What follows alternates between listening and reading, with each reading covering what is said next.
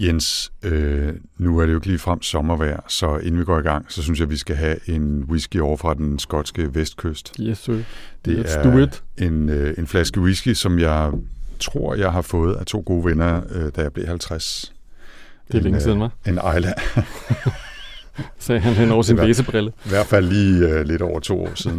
Men øh, det er... Hvilket minder mig om, jeg har glemt at tage mine læsebriller på. Ja, det er noget sysk. Så åbner jeg lige og hælder op imens. Så det er sådan en rigtig øh, røgfætter, som, øh, som kan gøre, at vi ser endnu dårligere, end vi gør i forvejen. nu kan jeg også se, hvad der er i glasset. Og det er en fin øh, LP12 Isla Single Malt Scotch Whisky Nu. fra Elixir Distillers. Skønt. Skål, og øh, god sommer. Jo, tak lige meget. efter sommer. Ah. Ah. Mm. Det er en rigtig Isla. Mm, der er godt med røg og tjære og ting. Nu hoster jeg det første kvarter af podcasten. Jamen, det er rigtig fedt. Det er godt, vi har vand også. Velkommen til Sci-Fi Snak. Med science fiction. Og med snak. Med Jens Jarl Poder. Og Anders Høgh Nissen. Velkommen til.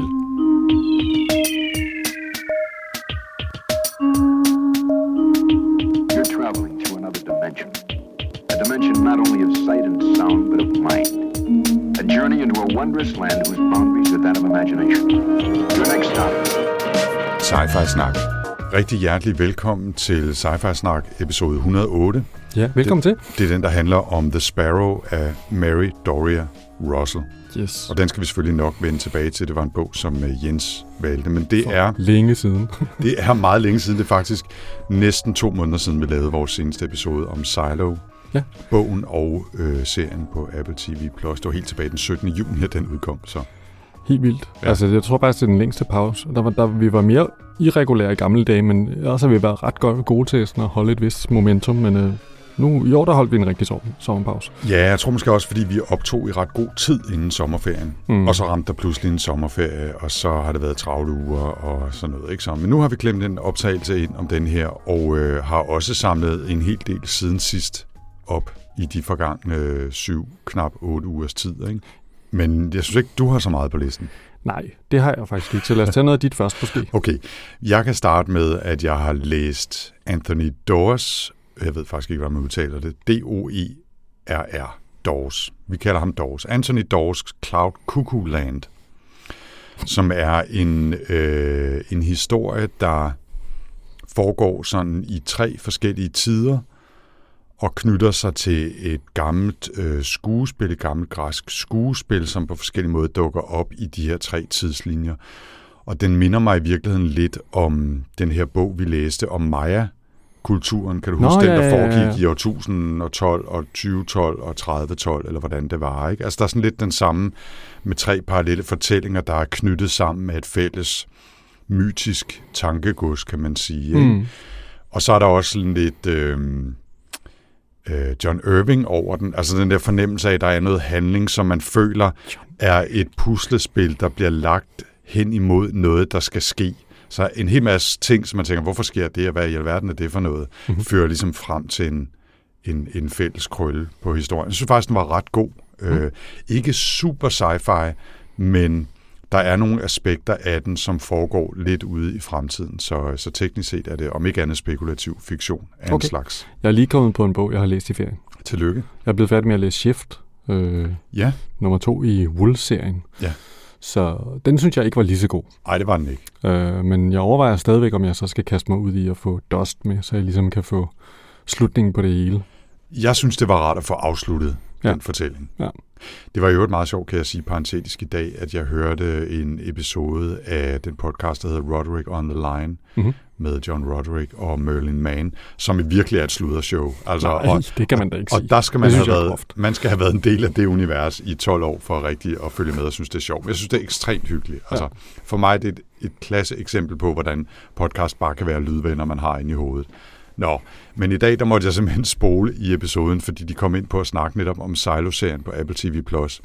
Og det var tydeligt, at ingen af dem vidste, at det var en serificering af en bogserie.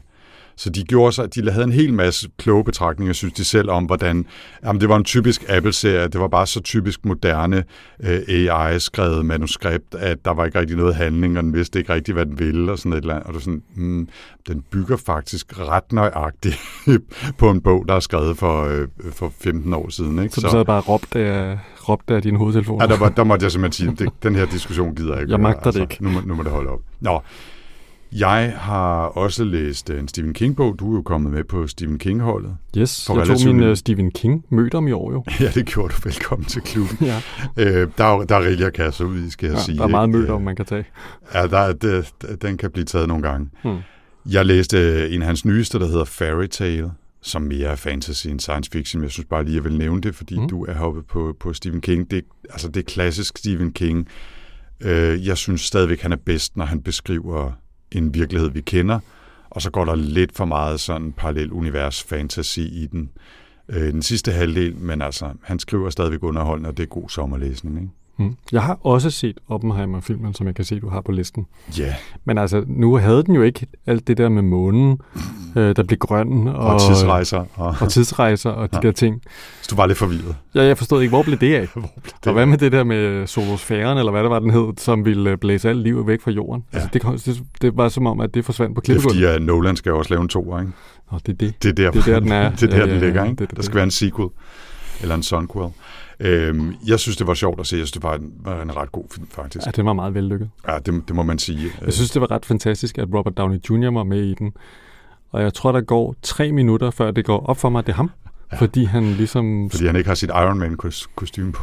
Ja, og han har ikke det der, det der hvad hedder sådan en, øh, det der mærkelige skæg. Ja, Ej, men han var også sådan gråhåret, og halskaldet. Og, ja, ja, altså, Ja. det var sådan, øh, det var ret, øh, det var ret cool. Ja, han er ret god til. Det er næsten ligesom uh, Tom Cruise i um, Tropic Thunder hvor han også er halskaldet og, og har en, en lille vom og spiller totalt oh, ja. mod, hvad han plejer. Altså helt crazy rolle, ikke? Robert Downey er jo også med i Tropic Thunder, hvor han spiller øh, blackface. Ja, ja det, Den her øh, australske, øh, hvad hedder det, method actor, som, som får taget, får taget sådan en operation med hudpigmentering for ja. Ja. at spille en sort sergeant. er i håbet om at få en Oscar, fordi man bare virkelig skal gå method på tingene. Langt ud. Øh, men, men jeg synes faktisk, Oppenheimer var, var interessant at nævne i den her sammenhæng. Det er jo ikke øh, science fiction på den måde. Det er jo nærmest en, en biografisk film, ikke? Mm. Mm. Øh, og ligger ret tæt op af virkeligheden, så vidt jeg kan vurdere. Og det gjorde den bog, vi læste jo også, øh, Oppenheimer Alternative, som du henviste til, hvor der jo så ligesom er skruet et tidsrejse, øh, dystopisk øh, plot henover. Men jeg ved ikke hvad, 88 procent af den bog er jo også en Oppenheimer-biografi, eller en, eller en historie om Manhattan-projektet, ikke? Ja, den her filmen bygger jo på den her, hvad hedder det, uh, An American Prometheus, Ja.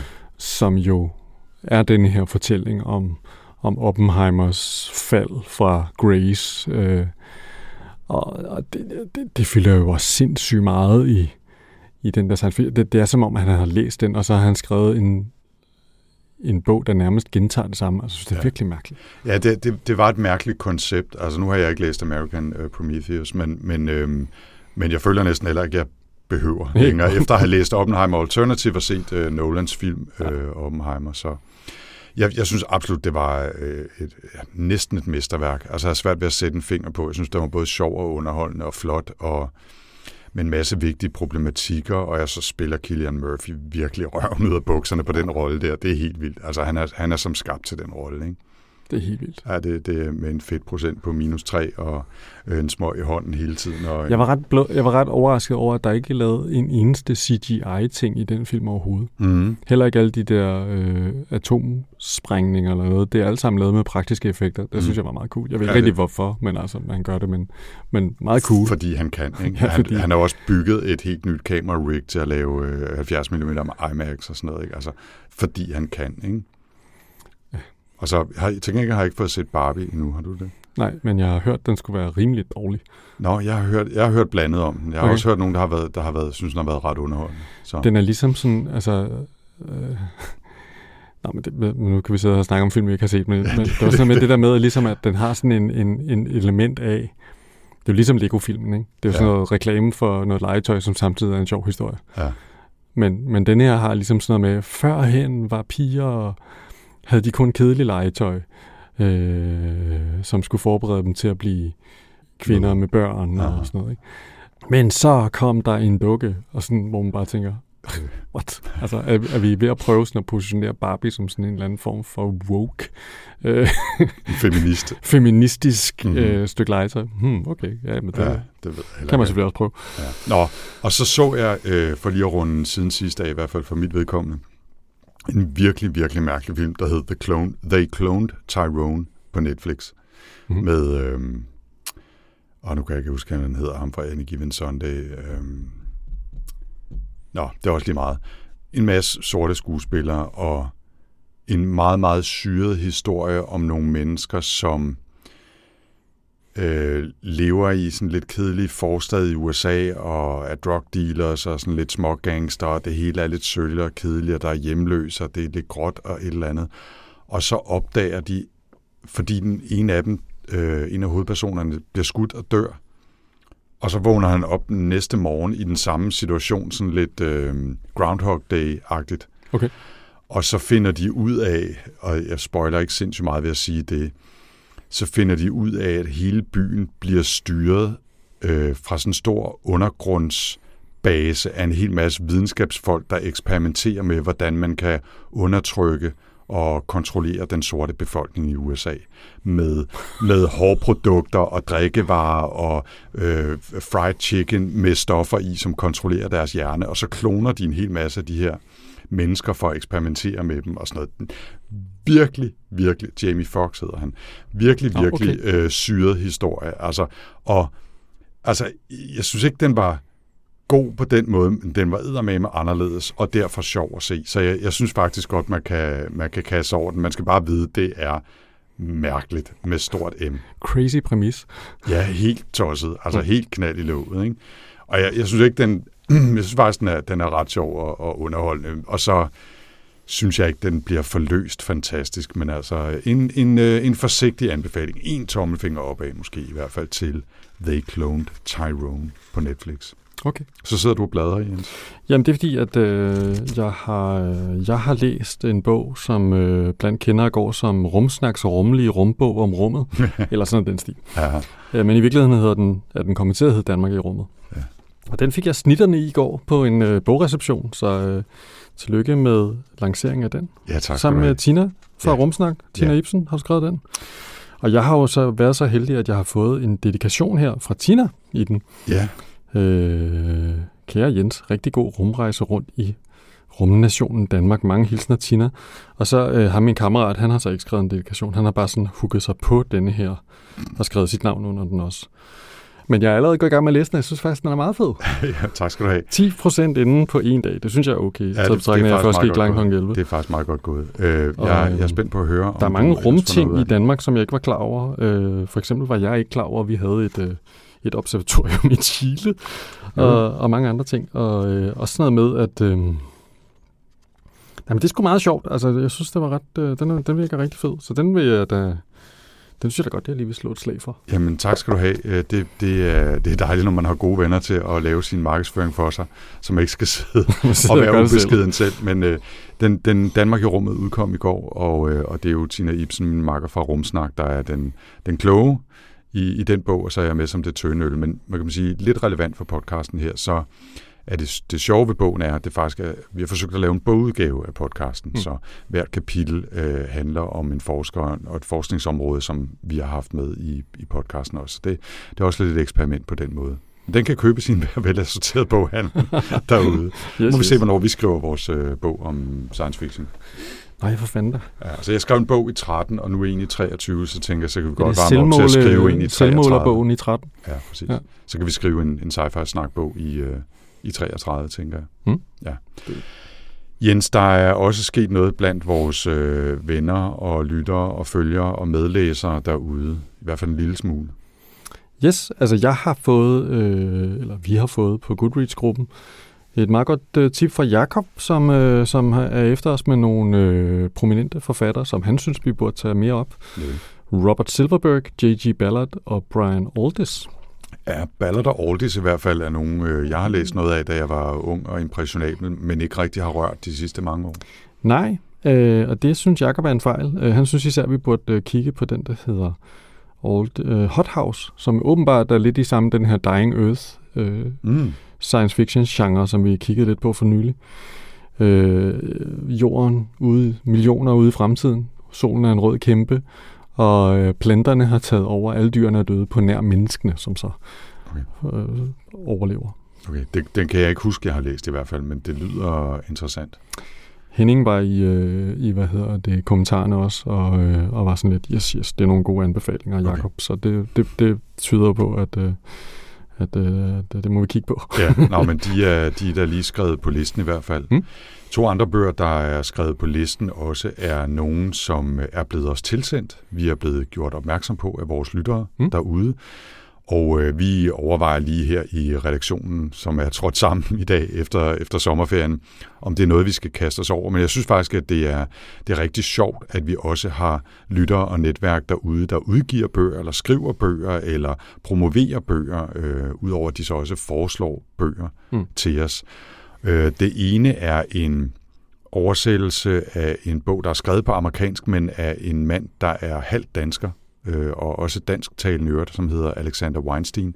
Og bogen hedder på dansk Efter Yang Fortællinger, og er sådan noget altså næsten nutidsagtigt uh, so me er frygteligt AI overtager det hele. Uh, tech, tech thriller, uh, dystopisk, Mhm. mm-hmm. så vidt jeg har forstået. Og det andet er en sådan lidt mere eksperimenterende bog, der handler om en lidt parallel virkelighed med nogle kosmonauter i Danmark og noget lidt, lidt mystisk noget, men også inspirerende og sjovt.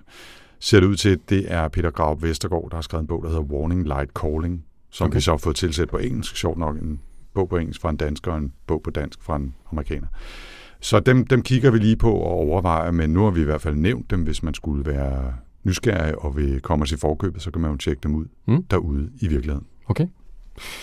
Jamen, så er vi også ved være i gang med øh, dagens hovedret. Ja, det tror jeg, vi er på vej til. Mm. Og det er The Sparrow af Maria, nej, det hedder hun ikke, Mary Doria Russell. Det er faktisk lidt svært at sige. Mm. Åbenbart for mig lige nu, jeg har en halv glas whisky i, i maven. Det var dig, der valgte den, Jens. Selvom den også stod på min liste, så kom du mig i forkøbet der. Ja, men jeg er jo i gang med at tage min uh, Goodreads-liste i kronologisk rækkefølge. Det vil sige, at jeg har uh, dem, der uh, har stået længst, de skal, de skal, hvad hedder det, uh, de skal læses. Okay. Og det her var nummer to på min liste. Uh, jeg tror engang, jeg har fået den anmeldt eller anbefalet i en eller anden opsamling af The Incomparable. Mm. Øhm, og ja, det er jo sådan en mærkelig blanding af katolsk fortælling om tro, og så er det en first contact bog, hvor at vi tager ud til Alpha Centauri og møder nogle alienvæsener. Ja. Øh, men meget en, altså det er lidt ligesom at læse, man, kan- man, det føles lidt som at læse Umberto Eco, eller, eller hvad hedder det, den der, øh, den der A Canticle for Libovic, mm, vi læste, mm, mm. Øh, altså den her sådan underlige blanding af noget, man bruger det science fiction-mæssigt til ligesom øh, øh, at, at udfordre en hel masse ting, og så behandler man det som et trospørgsmål. Meget interessant. Ja, det, det var faktisk sådan, at jeg det første lange stykke tid, der, der er nogle små pip af noget med, de lytter efter, altså med SETI-projekt, lytter efter kommunikation ude fra, fra fjerne øh, planeter osv., men, men ellers så var der altså 95 procent snak om religiøse konflikter og tro eller manglende tro, og en meget øh, sparsomt beskrevet historie om en præst, der vender tilbage fra en eller anden mission, som man ikke ved særlig meget om, ude i 2060, og som bliver forhørt af sådan en slags øh, råd af, af præster. Mm. Øh, om hvad, hvad der skete Ja, hvad derude. skete der? Og- Og det er meget lidt, man på det tidspunkt har fået at vide om, hvad der sker, og vi skal langt hen i bogen, før vi for alvor får, får særlig meget sci-fi ind over det, udover at den foregår ude i fremtiden. Ja, ja, og det er jo, hvad hedder det, det er jo meget interessant, fordi altså, den er jo skrevet som sådan et mysterium, ikke? Mm. Øh, han, hovedpersonen Emilio Sanders der, han starter som en enigma, øh, som man som læser prøver ligesom at forstå, ikke? Altså, hvad, og, og det gør man jo så sammen med de her præster, der prøver, fordi han er utrolig umeddelsom om det her. Han er Det- lukket i som en østers, øh, og vil ikke fortælle om sin rejse. Præcis. Øhm, det, det er øvrigt, kan vi lige sige, før vi graver dybere ned i det, det er en bog, der også som den, jeg nævnte tidligere i øvrigt, øh, Cloud Cuckoo Land, foregår i, i tre øh, perioder, kan man sige. Øh, 2014, 2019 og 2060. Okay, sådan cirka. Det er rigtigt. Øhm, og så, øh, så er der sådan lidt aspekter af noget old history-agtigt. Vi er i et samfund der i 2014 og 19, som rimelig meget ligner vores, men hun har taget sig, den er skrevet tilbage i 96, ikke? Øh, så hun, Okay. hun har forestillet sig nogle ting, der ville ske, blandt andet, at vi er i stand til at udhule små asteroider og bygge dem om til rumskibe, og i øvrigt rejse ud til Alpha Centauri. Sådan nogle små, sådan nogle små ting, men ellers minder det altså rimelig meget om det samfund, øh, vi kender. Ja, ja, altså, der, hun har været meget god til at gætte på nogle ting, men det kan vi Ja. måske komme tilbage til. Det kan vi. Jeg vil også bare lige indsparke her, øh, i forhold til det at komme ind i bogen, og hvad, hvad det var for en oplevelse i starten. Så var det ikke gået op for mig, at den var fra 96. Mm. Fordi jeg havde på en eller anden måde fået ind i hovedet, jeg satte den på listen for et par år siden, og at det var fordi, den var ny der. Mm. Så jeg sad og tænkte, hvad, hvorfor, hvad er det hun, hvorfor, har hun ikke, hvorfor kigger hun ikke bare ud af vinduet og ser på, hvordan 2014 og 19 er? altså, hvorfor er det sådan nogle mærkelige forestillinger om, hvordan det er? Skal vi forestille os, det er sådan en rigtig old history, hun er i gang med at skrive med et helt form for parallel verden, eller hvad, hvad pokker er det, der foregår? Jeg var mindst 60 procent inde i den bog, før jeg rent faktisk tjekkede, hvornår den var fra, og den var fra 96, og så var der nogle sådan små detaljer omkring teknikken og fremskrivningerne og sådan noget, som, som øh, faldt lidt bedre på plads for mig. Ikke? Men, Mhm. Nå. Øh, Mary skal vi måske lige sige også, hun har skrevet øh, den her The Sparrow, og så en opfølger til den, en tor, som hedder Children of God.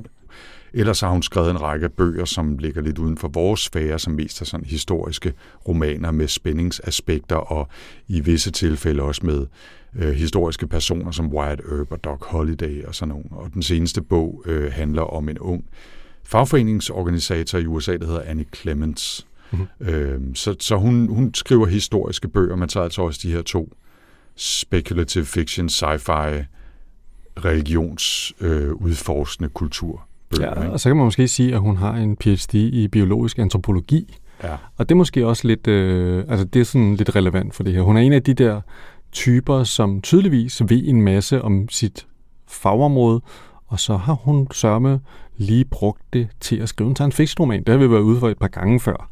Mm. Øh, hvad hedder det? Jeg tænker på ham der med æderkopperne. ja, Adrian Tchaikovsky. Tchaikovsky, ikke? Ja. Øh, og hvad hedder det? Jeg tror også, Peter Watts er en af dem, er han ikke, øh, som havde lavet noget bevidsthedsforskning og et eller andet. Okay. Jeg har en fornemmelse af, det kan være, jeg husker helt galt. Men, Også, ja. hvad hedder det, den her øh, Arcady Martin, øh, A Memory Called Empire. ja. Hun var også et eller andet øh, kulturhistoriker, Antropolog, historiker. ekspert i et eller andet med ja. bysant, bysans, og så brugte hun Det det, så til det her øh, Ja.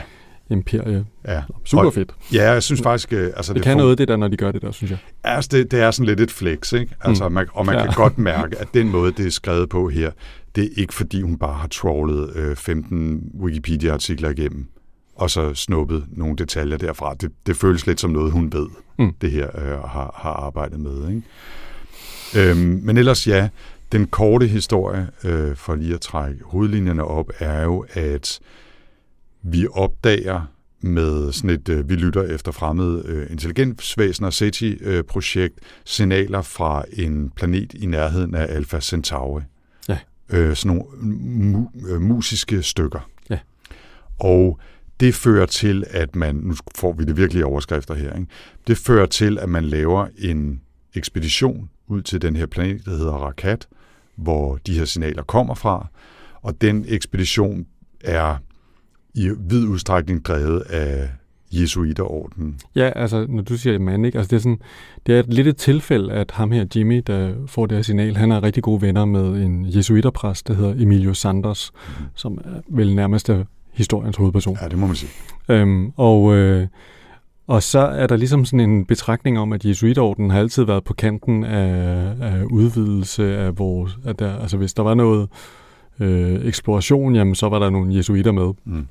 Her der giver de den gas og siger, prøv at høre, nu rykker vi, nu øh, sælger vi nogle af vores gamle malerier, og så... Øh, så, øh, og, og alle vores gamle kunstskatte, og så får vi lige pludselig råd til at lave sådan en undercover øh, katolsk rummission. Altså det er vildt mærkelig præmis. Ja, det, det er ret mærkeligt præmis, men, men det er også lidt forestilling om, at, at det er ligesom altså den katolske kirke generelt øh, en ekstremt magtfuld og rig organisation, mm. altså med globale, øh, altså fange ham ud i al mulig forretning og netop øh, store kunstskatte mm. og sådan noget. En kolossal økonomi, mm. som lever lidt i det skjulte, og derfor har de mulighed for at gøre det her også. Og man kan så sige, at 2019, det er jo virkeligheden, når vi... Øh, bogen starter faktisk i 2059, hvor vi jo første gang møder Emilio Sanders, set i virkeligheden øh, gennem andre. Jeg tror, det er mm. en, der hedder John Candotti, der fortæller ja. øh, der i virkeligheden. Og denne her mission er jo gået galt, frygtelig galt. Øhm, og så, så hele bogen er sådan en parallel fortælling mellem den her jesuiterordens undersøgelse og prøve at finde ud af, hvad var det dog, der skete derop, og, og prøve at komme ligesom over ens med det, samtidig med, at vi ligesom tager historien fra 2000 og, øh, hvad hedder det, 14 ja. og fremad, hvor vi ligesom undersøger Emilio og Jimmy og den her rummission, og ja, til sidst i romanen kommer vi også med til Rakat og oplever, hvad det var, der skete der. Og det er sådan ja. et, i det store hele, hvad bogen går ud på. Ja, præcis, og, og det, er, altså, det er sparsomt, hvad man får at vide i starten om Emilio Sanders og hvad der egentlig skete. Men det, som man dog får at vide, det er, at han er den eneste, der er vendt tilbage, mm. og at han har begået et mor, og han har været prostitueret på en eller anden måde. Han har ja, hans fødder, er, han, hans hænder er ligesom blevet om af en eller anden grund blevet om, forlænget og omgjort altså, til ligesom nogle det, lange... Det, det, som de har gjort, det er, at de mellem de fire fingre i hånden har skåret op helt op til, til håndledsknoglen og det læger enormt dårligt for ham. Han, han, de laver sådan nogle underlige robotproteser øh, til ham, og nogle handsker og sådan noget, og det er helt frygteligt. Han er syg, og har ikke noget energi, og er anemisk og alt muligt andet. Ikke? Jeg har haft øh, skørbu på... Ja, ja. Det, det er helt frygteligt, han men han er kommet... Så vi ved i virkeligheden, det hele er gået frygtelig galt på den her mission. Og så følger vi den gradvise øh, udspørgende udforskning af, hvad det er, der skete, og han har virkelig ikke lyst til at fortælle, og han er syg og dårlig og isolerer sig og er meget formelt, samtidig med, at vi så tager historien fra, fra 14 op til øh, missionen ud til Rakat, og senere også, hvad der sker deroppe. Mm. Ikke? Øh, og så, selvom vi ikke spoiler, kan vi også godt sige, at vi ender med at få en forklaring på, hvad det egentlig var, der skete, og hvorfor han kommer tilbage med de der lemlæstede hænder som den eneste. Ja. Men i virkeligheden er det jo egentlig meget god altså introduktion til, hvad den her bog går ud på. Ja. Så jeg tænker i virkeligheden derfra, synes jeg næsten, vi skal gå til at tage vores, øh, vores nedslag. Ja, lad os, Så det er en meget god måde at komme igennem det på, synes jeg. Ja, helt sikkert. Og, og, og vi kan jo næsten gøre det kronologisk. Ja, det tænker jeg også, at ja, så, vi kunne starte med mig. Fordi så skal du have lov til at starte med Jimmy. Ja, jeg synes, at en af de fede scener, ja, det er ikke Jimmy, det er faktisk øh, i øh, Rom i 2059. Så det er ikke kronologisk? Men Nå, det er bogkronologisk? Bogkronologisk. Okay. Vi kører det bogkronologisk. Det er fint, så gør vi For det. Det, det, jeg synes er fantastisk ved bogen, noget af det, noget af det jeg altså, synes fungerer enormt godt i den her bog, det er hele den her mystik, øh, som Mary hun får skabt omkring Emilio Sanders. Altså, han bliver... Altså, det er en kæmpe skandale, det her får man, får man at vide. Vi er i øh, Vatikanet i Rom, øh, og Emilio Sanders er blevet smuglet ind Øh, han har været på et hospital, han er blevet smuglet ind i en brødvogn, øh, og der, det her sted er belejret af journalister, der vil have fat i ham, fordi alle vil vide, hvad var det dog, der skete. Øh, for der er kommet nogle rygter tilbage om, hvad der ligesom er sket, og han, øh, man ved, at det her, øh, at han er lemlæstet, og han har myrdet nogen, og men som læser er man meget på glat is her. Fordi man, man har ikke rigtig, altså, det bliver bare sådan fortalt til en, som om, at man vidste mere. Øh, man, man oplever det øh, gennem øjnene på, på en, øh, en, tror jeg, øh, amerikansk præst, der hedder John Candotti, mm. som tager sig af ham, og som skal hjælpe ham og prøve ligesom at få ham til at åbne op og snakke med ham. Og den her mand, han prøver ligesom at få empati med Emilio, og Emilio er nærmest stum. Han kan ikke sove med døren lukket. Øh, igen, det bliver skrevet så fedt, ikke, hvor at det bare er øh, der blev nærmest sådan bare sådan fortalt, at jamen, en dag var der en, der kom til at lukke døren ind på. Det gjorde man aldrig mere. Ja, ja. Men mere får man ikke at vide, og det er en enormt... Øh, det er en enormt spændende måde, hun skriver det på, ikke? Fordi man, man bliver virkelig sådan spændt op til, wow, hvad er det, hvad er det der er sket? Og, og samtidig har man øh, altså Candotti, som jo er forsøger i hvert fald at være åben over for Emilio Sanders og, og prøve at forstå, hvad der er, der er sket, og, og lokke hans version af historien ud af ham. Men der er jo også nogen, som er, altså virkelig er ude med riven efter ham, ikke?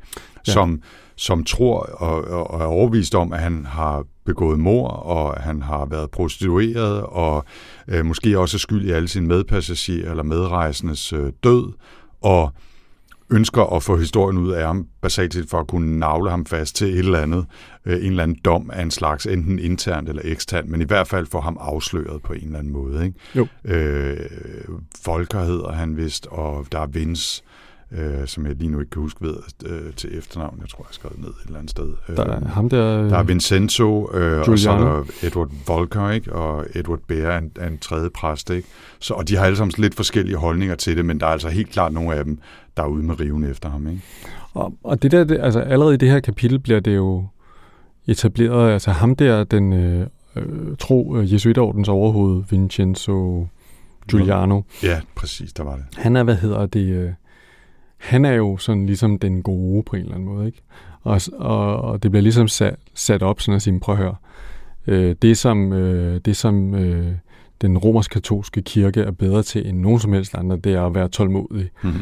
Altså det fungerer ekstremt Ja. godt, den her start. Altså det, det der, så, det, så jeg synes, hun får lavet en fantastisk, et fantastisk anslag til denne her bog, ikke? og vi får, får mødt Emilio Sanders her i denne her version af ham, og lige om lidt skal vi så møde ham i Puerto Rico, øh, hvor han er en helt anden person. Ja, han er virkelig øh, funky hipster øh, øh, præst Ja. i, i, i, den del af historien, som foregår i de der 20, 14, 19 stykker, ikke? Præcis. hvor han spiller fodbold med ungerne, og selv har en fortid øh, i som gadedreng, og har bokset øh, og alt muligt. Ikke? Altså Jo. virkelig sådan en funky type, som, som alle kvinderne synes er, er lidt lækker, men han er præst og sådan noget. Ikke? Altså han har Ja, ja, ja. lidt det der... Øh, han, er, han er cool på en eller anden måde. Ikke? Og total kontrast til den indelukkede, maltrakterede, mutte, øh, formelt nedbrudte mand, Mm. vi møder øh, i Og det er bare endnu en ting, senere, hvor, hvor hun får skabt en ret stor spænding i mig, ja. når jeg læser den her bog. Ikke? Jeg sidder bare og tænker, hvad er det dog, der er sket? Altså. Det næste nedslag, øh, teknisk set, er vel så også dit, ikke? Øh, Jimmys øh, opdagelse af senatet på Arecibo. Ja, altså der ligger jo det her store, hvad hedder det, øh, inde i sådan et øh, vulkankrater, ligger der sådan en stor parabolantenne, som, som jeg tror faktisk også, det er der, de er i øh, Contact-filmen. Ja, det, øh, der er de også i hvert fald. Og så Ja, er der, der, en hvor, James øh, Bond-film, hvor de drøner rundt Ja. der også, og så videre. Det er desværre øh, øh, brudt sammen og er gået i stykker, Nå. så det bliver ikke brugt længere. Men så ingen, øh, ingen øh, hvad hedder det, musik ud af det. Ikke derfra i hvert fald. Ja. Men øh, der møder vi Jimmy, som er sådan en øh, sjov fyr, der hvad hedder det, er blevet astrofysiker, og, øh, og han er i den situation, at han er ved at blive, øh, muligvis ved at blive erstattet af kunstig intelligens. Det sker, kan jo ske for os alle sammen, til synligheden. Til, meget tæt på at ske Og for der, mig. det er jo her, hvor at Mary, hun har altså været, øh, hun har haft øh, sin, hvad hedder det, øh, sin øh, gode øh, Fremtidshat på. Ja. på, ikke? Mm. Fordi at, øh, det, der sker, det er, at Jimmy han er i gang med at træne, hvad hedder det, sådan en jødisk øh, kvinde, der er ekspert i øh, kunstig intelligens, til at træne en maskine op, der kan erstatte ham. Det er astrofysikeren laver, det der analyse, han laver alle de her data, han får ind. Han arbejder på CT. Øh, det, det skal hun se, om hun ikke kan få en maskine til at øh, hvad hedder det, gøre i stedet for. Mm.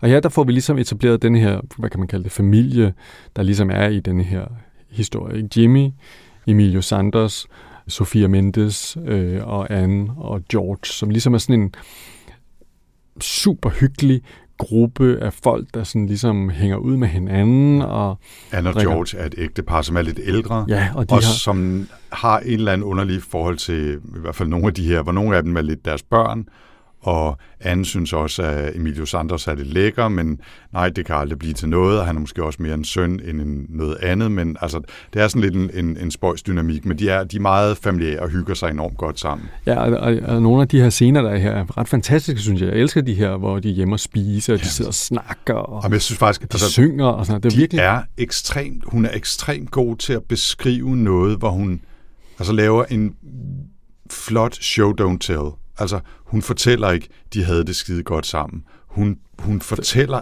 altså, hvordan de har det godt sammen, og gør det på en måde, som virker ekstremt overbevisende. Så det, der skal være sjovt, er sjovt. Mm. Det, der skal være rørende, er rørende, uden at hun behøver at fortælle os, at det er det. Ja. Altså, jeg synes virkelig, det var også ret ekvilibristisk, øh, de dele af historien. Ikke? Mm. Ja. Og det, der så sker, det er jo selvfølgelig, at det viser sig, at øh, det her kunstig intelligens, det kommer ikke til at virke, fordi det, der sker, det er, at Jimmy, han jo faktisk, mens han sidder og snakker med hende om, hvad det er, han gør, når han nu øh, analyserer det her, mm. så kommer der sådan lidt noget mærkeligt ind, ind og han forklarer over, at om det kan nogle gange være bussen, der kommer ind over signaler en dag, og en gang imellem, så er det også noget med nogen, der flyver over. Eller og det tænder en mikrobølgeovn eller et eller andet. Ja, ja. ja. Øhm, men, øh, men det han så fortæller, han, han ringer så op til dem midt om natten og, øh, og, og inviterer dem, den her familie, som de første til at komme op og opleve det her fantastiske musiske signal, han modtager. Og hun spørger sig, hvordan kunne det være, at han havde en, øh, hvordan kunne det være, at han valgte ligesom at, at øh, descramble signalet, som om, at det skulle være musik. Han har ligesom kørt det igennem nogle filtre, for at det ligesom overhovedet kunne lyttes. Og så sagde han, det var bare sådan en intuition, han fik, at det, det, han følte bare, at det, det måtte være noget musisk. Og så er det så, hun siger, jamen så ville hun ikke kunne erstatte ham med en robot, for det ville hun aldrig øh, kunne have bygget ind i en robot. Ja. Og Men... så er det jo så hele setup'et til at etablere den her... Øh, Emilio Sanders ser det jo som et signal om, at den her gruppe af mennesker, Gud har peget på dem som dem, der skal tage til øh, Rakat, øh, som den her planet jo kommer til at hedde. Øh, ja, hvad hedder det, og, og, og tage derud og undersøge, hvor den her musik kommer fra. Ja, fordi det er, jo, det er jo åbenlyst, at det er intelligente væsener, der afsender det. Det er ikke bare tilfældige signaler fra en øh, roterende neutronstjerne eller et eller andet. Der, der foregår virkelig et eller andet der, og de kan også pinpointe det til, at det kommer fra den her planet øh, omkring Alpha Centauri. Og, og som du sagde, så er det jo Jesuiterordens øh, øh, hvad kan man sige, skæbne nærmest, ikke? at de skal ud og møde nye kulturer med den slet skjulte dagsorden måske, og, øh, og missionere for dem, ikke? Altså at omvende dem i en eller anden grad, eller fortælle dem om Gud, om ikke andet. Ikke? Mm. Så de skal ud og møde, og det her er jo så i en eller anden grad den ultimative øh, missionsudfordring, at skulle ud og omvende en helt anden ikke-menneskelig race. Ja, faktisk et andet dit, sted i universet. Og, og faktisk dit første klip, eller dit første valg her, det er jo faktisk, øh, det handler jo virkelig om det her med asteroider og...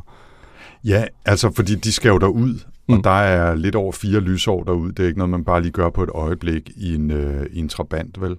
Så de skal have skabt et stort rumskib til at komme derud, og så træffer det så, så heldigt. Og her er måske et af, de punkter, jeg synes i romanen, som er mindre stærke, men så bliver det introduceret sådan lidt en passant, at når jeg er forresten, vi har også en hel øh, industri af, af rumfarende, som udhuler asteroider, øh, dels for at udvinde øh, mineraler, metaller og andre stoffer fra dem, og dels for at bruge dem til rumskibe, så vi kan flyve rundt og udfinde, udvinde ting fra andre asteroider.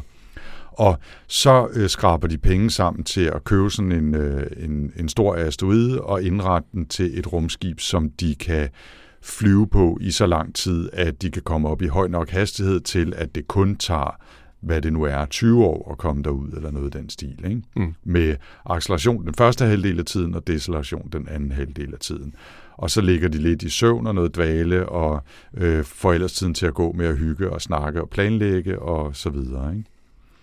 Så øh, det er, øh, jeg synes bare, det var sådan lidt, altså det var en lidt sjov ting, det der med, hvad var det, den hed, øh, den, den gamle bog, vi, vi læste, en klassisk sci-fi med nogle udhulede asteroider, og en eller anden, der tog derud og håbede, at han kunne vinde i lotteriet ved at finde et eller andet oh, alien-agtigt. Hvad er nu, den hed?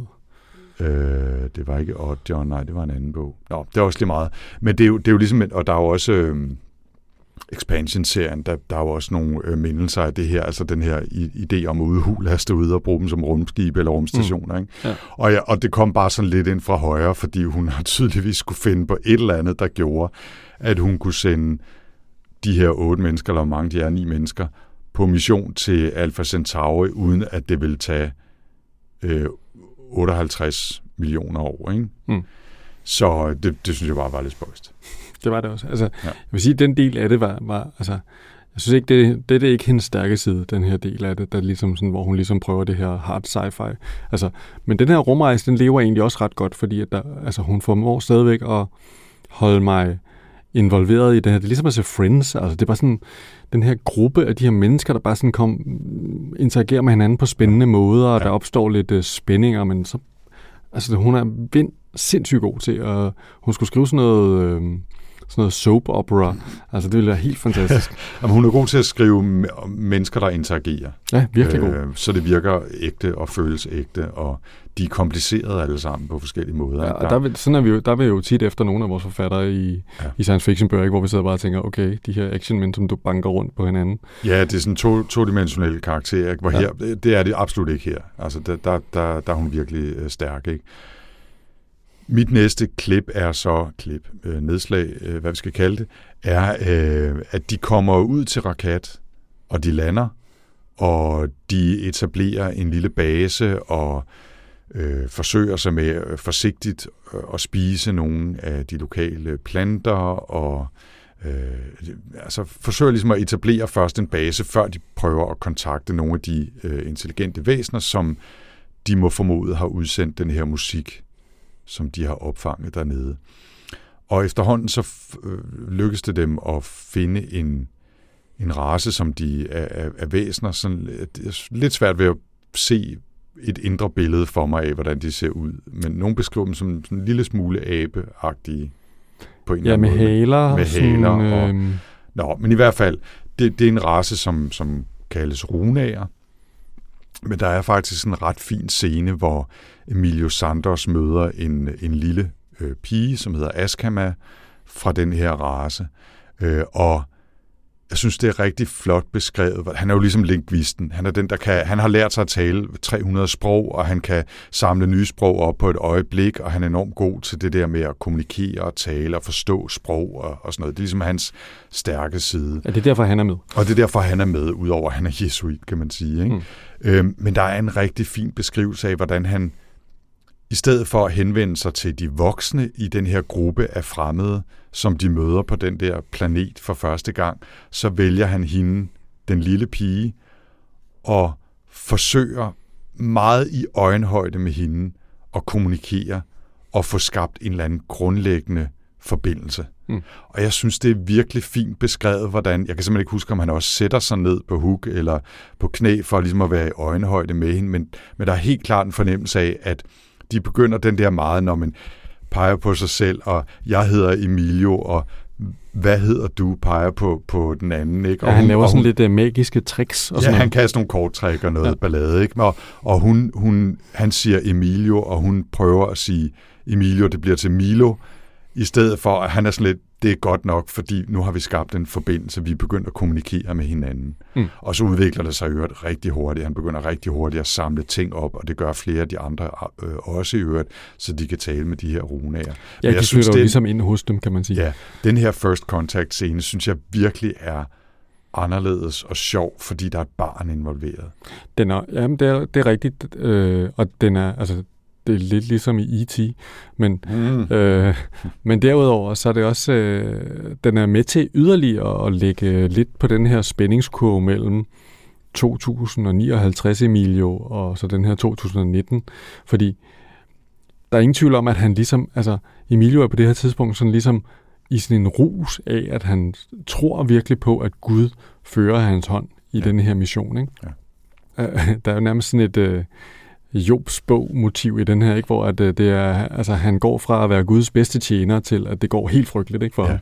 Ja, fordi i, i, i mødet med, med Askama og runagerne her, altså han er virkelig opfyldt af den hellige ild. Ja, ja, og hans, øh, hans chef øh, på missionen mm. sender jo øh, rapporter tilbage, som så aldrig er blevet delt med nogen. Det kun er de aller inderste jesuiterpræster, der må læse de rapporter. Men der skriver, beskriver, bliver han jo beskrevet som, at her der har vi måske en helgen. Altså, så han ser sådan på ham og ser virkelig den der guddommelighed i ja. ham. Ikke? Og, og det, altså det, jeg synes, jeg har- lille- en lille smule svært med overreligiøse mennesker, ikke? Altså som, øh, som indhed ateist. Men ikke desto mindre, så bliver jeg revet med. Altså det bliver skrevet, beskrevet faktisk på, synes jeg, på en ret charmerende og overbevisende måde, fordi det, er, det handler så meget om glæde. Altså Emilio Santos, øh, Sanders er opfyldt af en kolossal lykke, fordi han fornemmer Guds tilstedeværelse i de fremmede, som de møder, og som de kan tale med, og som de i en eller anden grad, øh, i hvert fald i starten også oplever som altså naturlige mennesker, eller nat- naturlige væsener på en eller anden måde. Ikke? Altså, han, jeg synes, det er sådan en, altså man får sådan en fornemmelse af sådan en gylden lys inde i hovedet på ham, mm. på den gode måde. Ikke? Nå, man kan sige, nu siger du det der med, med, altså, det er jo ikke på den måde, altså det er jo en meget interessant bog, fordi at den, de her forskellige præster, man møder i den her bog, som snakker med hinanden om, hvordan de skal fortolke og forstå de ting, der sker omkring dem. Altså, det er meget interessant, det, øh, når Emilio fortæller om, hvad celibat betyder for ham, og hvad det betyder for nogle andre. Sådan noget. Det er så ligesom at komme med ind i sådan øh, arbejdslokalet på, mm. øh, i bagkontoret, ja. Og det, det synes jeg, hun lykkes med på en ret overbevisende måde, at man kan sige, okay, de her mennesker, der, og blandt de her forskellige præster, så tænker de meget forskelligt om tingene, ja, ja. og øh, har nogle teologiske diskussioner, eller det lyder enormt kedeligt, men altså har, sådan nogle, det ikke. har sådan nogle diskussioner om, jamen, hvordan skal de forholde sig til det her med ham her Emilio, og, ja.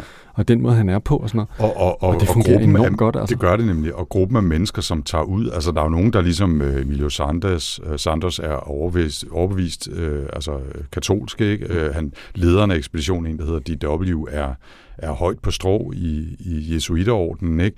Men der er også Anne og George, som befinder sig relativt langt over i et, i et mere øh, ateistisk øh, spektrum, ikke? Altså, ja. og som, som er altså naturvidenskabeligt orienteret og så videre, og de har jo også nogle, de bliver også udfordret på en eller anden måde i forhold til deres verdensopfattelse gennem de oplevelser, de har på den her mission, og også i deres snak med Sofia og Emilio Sanders og så videre. Ikke? Mm. Mit tredje nedslag er i virkeligheden øh, noget, som, som ligger i tråd med den snak her. Ikke? Altså, fordi der, der er den der scene, hvor han, hvor han øh, virkelig oplever, at Gud er til stede i mødet med de her runa-folk. Ikke? Altså, øh, I was born for this, tænker mm. han. Øh, det, det er en simpel sandhed, at, at Gud er til stede og har skabt Emilio Santos for at gøre det her. Det er virkelig den opfattelse, han har så sker der så en hel masse ting, som vi kan dykke ned i, eller ej, ikke? Men altså, vi har allerede antydet lidt, at det går frygtelig galt, det her, ikke? Ja, det ved man jo, når bogen så, starter, det er det første, man får at vide. Præcis, og så, så er der scener, hvor han så øh, er begyndt at snakke lidt mere om, hvad der skete, og hvordan han forholder sig til det her. Der beskriver han jo så, hvor meget han er kommet i tvivl om, altså, om der er en Gud, om det er Gud, der har øh, givet ham den her fantastiske lykkeoplevelse, eller om han har fået den her lykkeoplevelse udelukkende for at blive smidt ned i et hul bagefter, eller om det bare er altså en, en feberfantasi, at der skulle være en Gud overhovedet for, om han har bare snydt sig selv på grund af øh, kultur og, og gener i virkeligheden. Ikke? Mm. Og det er igen også frygt, altså det er virkelig beskrevet så på en måde, så man fornemmer den her helt grundlæggende dybe konflikt, der er inde i Emilio, efter at have været igennem det, han har været igennem. Mm. Jeg synes, det er, øh, det, det, er jo ikke lige pinpointet ned i en scene. Altså, der er, jeg har hævet citat ud, som jeg skal spare jer for at, at læse op, ikke? Men det er virkelig, der er nogle øjeblikke, hvor der virkelig bliver lukket op for posen, og man hører den her frygtelige konflikt, han lever med, og årsagen til, at han har været, udover at han har været syg, årsagen til, at han har været så lang tid om at lukke lidt op over for Candotti og de andre at han simpelthen slås virkelig med øh, en helt grundlæggende dyb indre tvivl. Ja, og så er han jo, altså, det, det, han er en spændende karakter, ikke? Fordi det er jo de, han er jo sådan denne her machismo øh, spanier, ikke? Øh, så det der med ligesom at vise svaghed har han ekstremt svært ved. Mm-hmm. Og han er jo på den måde, han er jo, øh, han er jo blevet ydmyget helt ud over det menneskelige. Øh, har er jo faldet fra fra at stå der og tænke, at han på et eller andet plan måske var lidt Guds udvalgte, ikke? til bare at føle, at han i den grad var blevet forladt. Ikke? Ja. Øhm, og hele det der er jo sådan et klassisk teologisk problem. Ikke? Øh, hvordan kan det være, at øh, hvis Gud er så god, at verden er så frygtelig, ja. og at vi oplever sådan nogle frygtelige ting? Ikke? Ja, og jeg, jeg, jeg der sker jo nogle frygtelige ting. Vi kan, vi kan måske lige sige, at de har jo mødt vores udsendte der. De kommer også ud for nogle ting, eller der er nogen, der dør og så videre. Ikke? Men de møder Runa-folket, og så senere så møder de også den anden øh, race, kan man sige, mm. øh, på, på planeten Rakat, som hedder Jarnati, mm. øh, som øh, er dem, der har udsendt signalerne. Øh, musikken, de har opfanget nede på jorden, finder man ud af. Og så synes jeg til gengæld ikke, vi skal spoile ret meget mere. Fordi der er en del ting, der bliver afsløret hen imod slutningen af bogen, om forholdet mellem Gianarti og runagerne, mm. og hvad det egentlig var, Emilio Sanders og de andre oplevede, som endte med, at han altså som den eneste kom tilbage til jorden i 2059, eller hvornår det var, med lemlæstede hænder og, og øh, på dødens rand, ikke? Jo. og et nedbrudt menneske. Øh, og det, jeg synes, det, det, føl, det er så meget et mysterium, eller så meget noget, der skal afsløres, og noget, som jeg virkelig synes, det var spændende at finde ud af, ja. at det er virkelig en af de ting, som jeg ikke har lyst til at spoile. Okay. Altså, nogle gange så, nej, så kan man godt fortælle det, og så ligger øh, oplevelsen i at læse historien. Mm. Her synes jeg, at der ligger faktisk noget i at få afsløret, hvad var det, der gjorde? Hvad var det, der skete? Ja, og også, altså, hvad, hvad kan man sige, altså, grunden til det, der, der skete, det der skete, ikke? Mm. Det, det, det, en ting er, at det, man, man skal finde ud af, hvad der skete, men det er også den bagvedliggende grund, der er spændende, ikke? Og, mm. Altså, hvis man skal give et lille hint, så har det noget at gøre med hendes antropologiske biologi, PhD's tænkning. Det er helt sikkert. Den ligger, den ligger tydeligt i, i denne her afrunding, der ligesom er på den fortælling. Ja, bestemt. Men ja, altså... Jeg har, jeg har lige lyst til at, at genopleve øh, den gamle, hvad minder den her os om? Ja. Øh, kategori, som vi engang mellem tager op, når, når det føles relevant. Fordi jeg synes, den her bog minder mig om en del forskellige ja. ting. Øh, noget af det første, der dukkede op i hovedet på mig, det var Contact. Øh, fordi der var også den der, øh, vi, vi, vi hører et signal, øh, vi bygger et crazy rumskib, øh, og rejser ud for at opleve et eller andet, mm. og så vender vi tilbage med nogle meget mærkelige oplevelser, som måske og måske ikke kan forklares, og der er også hele det der religiøse aspekt af det med Matthew McConaughey som, som præsten. Ikke? Ja. Så, så jeg synes, det var en helt oplagt referenceramme. Så havde jeg også uh, Arrival på, fordi der er det der med sprog, og skulle prøve at kommunikere Nå ja, det er da med, rigtigt med, hvordan man forstår ja, aliensprog. Det præcis, rigtigt. og hvordan sproget former den måde, vi tænker på, og så videre. Ikke? Kommunikere i kafferingen og sådan noget. Ja, og så var der øh, den der øh, sagerbog, øh, Babel 17, som vi læste også, hvor der også var en, jeg kan ikke huske, hvornår fra 50'erne eller 60'erne eller andet, med også en lingvist, øh, der skal ud og møde nogle aliens for at hjælpe. De ligger i krig og et eller andet. Okay. Øh, crazy, crazy bog, men, men faktisk ret mange af de samme tematikker, ja, det øh, hvor sprog er et, et omdrejningspunkt. Ikke? Ja, jeg nævnte A Canticle for Leibovich, mm. øh, altså som jo decideret har med, hvad hedder det, katolicisme og gamle bøger og fremtidsvisioner og sådan noget at gøre. Og de mm. ender jo også ude i rummet, de her katolikker. Ja. Jeg kommer også til at tænke på, nu er det jo lidt tilbage til det her, altså den her, den øh, bringer et aspekt op, som der er lidt i wool, det her med, at øh, på den her planet, de kommer til, der er der en ret striks befolkningskontrol. Mm-hmm. Og det bliver jo en vigtig ting i den her bog også. Ja, der, der, der er selvfølgelig en, en lille tråd over det også, det ja. kan man godt sige. Ellers ja. synes jeg, den, altså, den handler jo rigtig meget om, om sprog og kommunikation og tro mm. øh, i en setting, hvor vi følger nogle mennesker, der møder en fremmed race på en fremmed planet. Og så vil jeg sige, øh, i, som bare som en lille detalje, der var det der med asteroide-rumskibene, som jeg synes var en lidt sjov sådan ind fra højre ting. Ikke? Og en anden ting, som, som jeg også kløjs over i starten, inden det gik op for mig, når var skrevet i 96, det var, at jeg synes, at hendes beskrivelse af verden i derhen omkring 2060, altså den er for det første meget, meget øh, hands-off, abstrakt, luftig. Det handler om præsterne og, og deres udspørgen ja. af Emilio Sanders. Vi hører forsvindende lidt om, hvad fanden der ellers foregår ude i samfundet. Vi hører ikke, hvad for en, øh, hvad hedder det, øh, version af iPhone, de er kommet nej, til. præcis. Ja, det, og det eneste, vi får at vide i den, øh, og det fik, fik vi at vide ret tidligt, det er, at hun beskriver en af de her, der prøver at finde ud af, hvem er Emilio Sanders, og øh, hvordan er han kommet ind i Vatikanet. Han er lige kommet tilbage fra den der mission. Så en eller anden journalist, sådan en uh, citizen journalist-agtig type, øh, der prøver Nå ja, at... der så lige pludselig, pludselig er inde i hans rum og begynder at interviewe. Ja, præcis. Og så bliver det beskrevet, at han har sådan et AV-rig, mm. hvor jeg bare tænker, et AV-rig. Altså det, jeg forestiller mig, det er sådan et, øh, et arrangement med, med arme og store øh, videokameraer og en VHS-båndoptager på røven, der optager hele tiden, og en stor teleskopantenne, så han kan øh, broadcaste live. Det føles simpelthen ligesom så... de der gargoyles i øh, ja, Snow Crash. lige præcis. Det føles simpelthen så antikveret, mærkeligt, at jeg simpelthen ikke forstod, altså, hvordan hun kunne bruge sådan et udtryk om noget, der skulle forestille at være 60 år ude i fremtiden. Vel?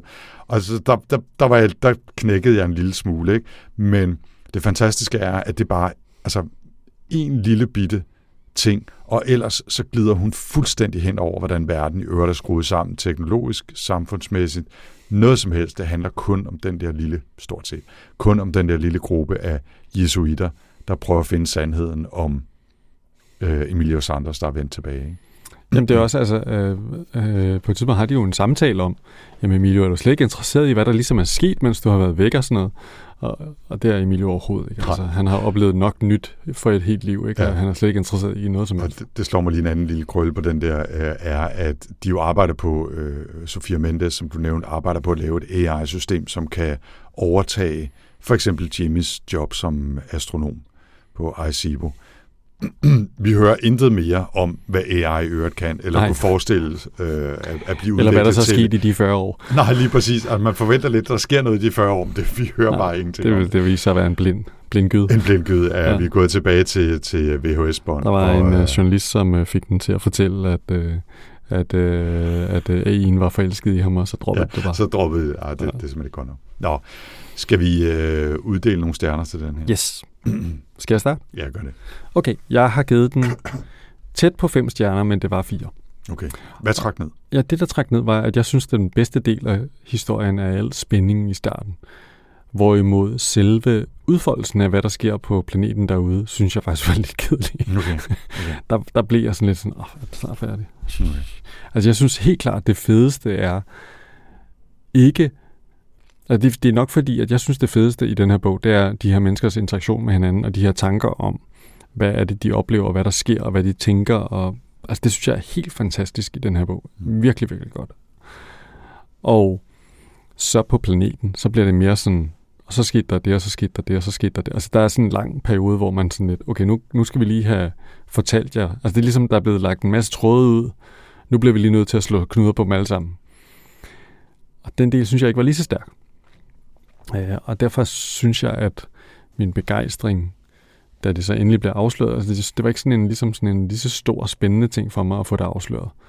Jeg synes dog, den løfter sig til sidst igen. Hmm. Ja, men der, der er sådan en, den der, hvor de sådan bor hos de der rune og, snakker om deres sprog og laver en have og flyver i flyveren og sådan lidt. Det er sådan, ja okay, altså, det, det synes jeg tager for lang tid. Okay. Men ja, men altså... men, men fire store stjerner. Ja, jeg synes at 100% man skal læse. Jeg synes, det er en mega, mega spændende bog Ja. øh, at, at læse. Ja. Du, hvad hedder det? Du, du, øh, du går all in, kan Ja. jeg. Ja, jeg, jeg, øh, jeg giver måske fem små stjerner. Mm. Men fem stjerner, ikke desto mindre. Jeg synes, øh, det her var en fantastisk bog. Ja. Og jeg synes, øh, alle bør læse den, basalt set. Der, hvor det trækker en lille smule ned for mig, var faktisk nærmest den diametralt modsatte oplevelse af din. Det er ret sjovt. Øh, jeg havde svært ved at finde ud af de første 30 procent, hvad fanden det her var for en bog. Ja. Altså, jeg havde virkelig, jeg havde, jeg tror simpelthen ikke, jeg var det rigtige sted. Jeg tænkte, det er meget lidt sci-fi-agtigt det her, og det er en hel masse togesnak om en eller anden. Hvorfor fortæller I os ikke, hvad fanden der er sket med ham der, så vi kan komme videre? Øh, agtigt, ikke? Sjovt. Og det var med til at skabe spænding, og det var med til at drive mig fremad. Men der var simpelthen tidspunkter i starten, hvor jeg tænkte, "Hvor- hvorfor? Altså, hvorfor må vi ikke få mere at vide? Øhm, og så de der detaljer, som, som jeg blev lidt irriteret over omkring den dårlige beskrivelse af 2060, og, jeg havde sådan lidt, og så, så det der med, at jeg faktisk troede, at den var ny, altså den, var, den er 20 år ældre, end jeg troede, og det forvirrede mig også lidt i forhold til den måde, den var skrevet på og sådan noget. Ikke? Altså, så, så der var sådan, jeg havde sådan lidt indled, indkøringsvanskeligheder i virkeligheden. Ikke? Ja, okay. Og så, jeg ved ikke præcis, hvor det var, det skete, men der skete et eller andet, sådan en, en fjerdedel eller en tredjedel inden i den, hvor, jeg, hvor det bare gik op for mig, at jeg nærmest elskede den her bog. Mm. Altså, jeg synes virkelig, personbeskrivelserne var fantastiske, som vi har snakket om. Hun, de, hun var virkelig god til at beskrive, hvordan de hygger sig, og hvordan de har det frygteligt sammen, og hvordan de græder, fordi det er så hårdt for dem, og øh, jeg synes så faktisk, det var meget hyggeligt også at opleve oven på alt den der, øh, eller som parallel til alt den der teologiske snak og den frygtelige historie om Emilio på jorden, så parallelt at høre alle hans fantastiske oplevelser med at etablere en lejr, og Jimmy og Sofia finder sammen, og de snakker med runæren, de får kontakt til Supari fra den her Janata-race og så videre. Altså, jeg synes faktisk, det var en del af min oplevelse også, som jeg var, Mm. som er fin. Og ja, jeg er faktisk enig i, at den, så, at den, den falder lidt ned i den fase. Men måske synes jeg, den falder lidt mindre ned, end, end du gør. Mm. Og så synes jeg til gengæld, at de sidste 10 procent er noget af det mest medrivende, spændende, øh, jeg har læst meget længe. Altså, det længe siden, jeg har været så sidrende af Mm. spænding øh, de sidste 10 procent af en bog, for at finde ud af, hvad der er sket, og, og kan vi komme videre herfra. Ikke? Jo. Og det kan vi så åbenbart, for der er skrevet en toer, som med det samme røget på min liste. Ikke? Ja, det er vildt. Det var Ja. jeg slet ikke klar over. Det Ja. er lidt en, en toer. Nå, men øh, i hvert fald øh, fem, lad os sige, øh, den sidste stjerne er lidt lille, men det er fem stjerner her for mig, og fire for dig. Stærkt. Og til sammen betyder det, at man bør læse Mary Doria Russells The Sparrow. Sikkert. Helt sikkert. Men, hvad skal vi læse til næste gang? Det er dig, der vælger. Ja, det er mig, der vælger. Det kom jeg i tanke om cirka 5 minutter, inden vi gik i studiet. Øh, heldigvis så har jeg en liste på 30-40 bøger, som er sådan mulige øh, sci-fi-snak-værker. Mm. Så sådan lidt random og i al hast, så valgte jeg en af dem. Og det er blevet til en bog, der hedder A History of What Comes Next, af en forfatter, der hedder Sylvain Nouvelle Okay. som bliver beskrevet sådan her. Showing that truth is stranger than fiction, Sylvain Nouvelle weaves a sci-fi thriller reminiscent of Blake Crouch and Andy Weir. Det er jo to okay referencepunkter. Mm. Blending a fast-moving, darkly satirical look at 1940s rocketry with an exploration of the amorality of progress and the nature of violence. Og det er en historie, som handler om en øh, en familie, som gennem utallige generationer ligesom har skubbet mennesker til at øh, orientere sig ud mod rummet og drømme om at rejse ud i rummet. Og så øh, er Werner von Braun også med som en, der bliver lokket til USA for at bygge raketter. Og så sker der en hel masse i kulissen. Og så bliver den altså som, som nævnt beskrevet som en, sådan en satirisk first contact historie med fokus på kvinder, som dem, der ligesom skubber udviklingen frem, og mænd, der er sådan destruktiv, krigerisk kraft. Og jeg synes bare, den lyder virkelig mærkelig. Samtidig med, at den lyder som en potentielt rigtig sjov og anderledes opfølgning på nogle af de samme tematikker, som har været på spil i The Sparrow. Det Altså- lyder super cool. First Contact, og så er der lidt, der er faktisk en linje tilbage også til Oppenheimer, som vi Ja, talte ja, om jeg tænker tidligere. også den der bog der. og, og øh, Lady Astronaut of Mars, måske lidt den Ja, der fornemmelse. der, Ikke? ja. Altså, jeg, det kan være, det er helt frygteligt. Jeg har ikke læst nogen anmeldelser af den overhovedet, men jeg har haft den her stående på listen et stykke tid, fordi jeg synes, den lød sjov og anderledes. Fedt, mand. Så uh, History of What Comes Next, det er også bare en meget fed titel, Mm. uh, Sylvain Novelle, og vi linker selvfølgelig til den fra vores uh, show notes. Verdensklasse. Det glæder mig til at læse. Det gør jeg også. Og indtil da, så er man jo altid velkommen til at kigge ind på øh, Goodreads-gruppen, goodreads.com. Der hører Sci-Fi-snak-gruppen til. Ja, Og, og, og øh, kommer med anbefalinger blandt andet til ja, ja, ja, Oldies ja. og Ballad og en masse andre. Præcis, præcis. Og man er også velkommen til at skrive selvfølgelig på sci-fi-snak.dk. Yes. Der er der også et kommentarspor på de sider. Og så vil jeg lige indsparke, at, at jeg er jo en, som øh, har trukket mig ud af mange forskellige platforme, men jeg er dog på Mastodon, Ja, det er og også. der er vi begge to og parat til at snakke øh, sci-fi også. Ja, vi øh, kunne skriv- godt bruge lidt flere sci-fi-snak-nørder derinde. Ja, så hashtag videre, så er det kun os to og Christoffer. Ja, så hashtag sci-fi snak. Øh, giv den gas på Mastodon.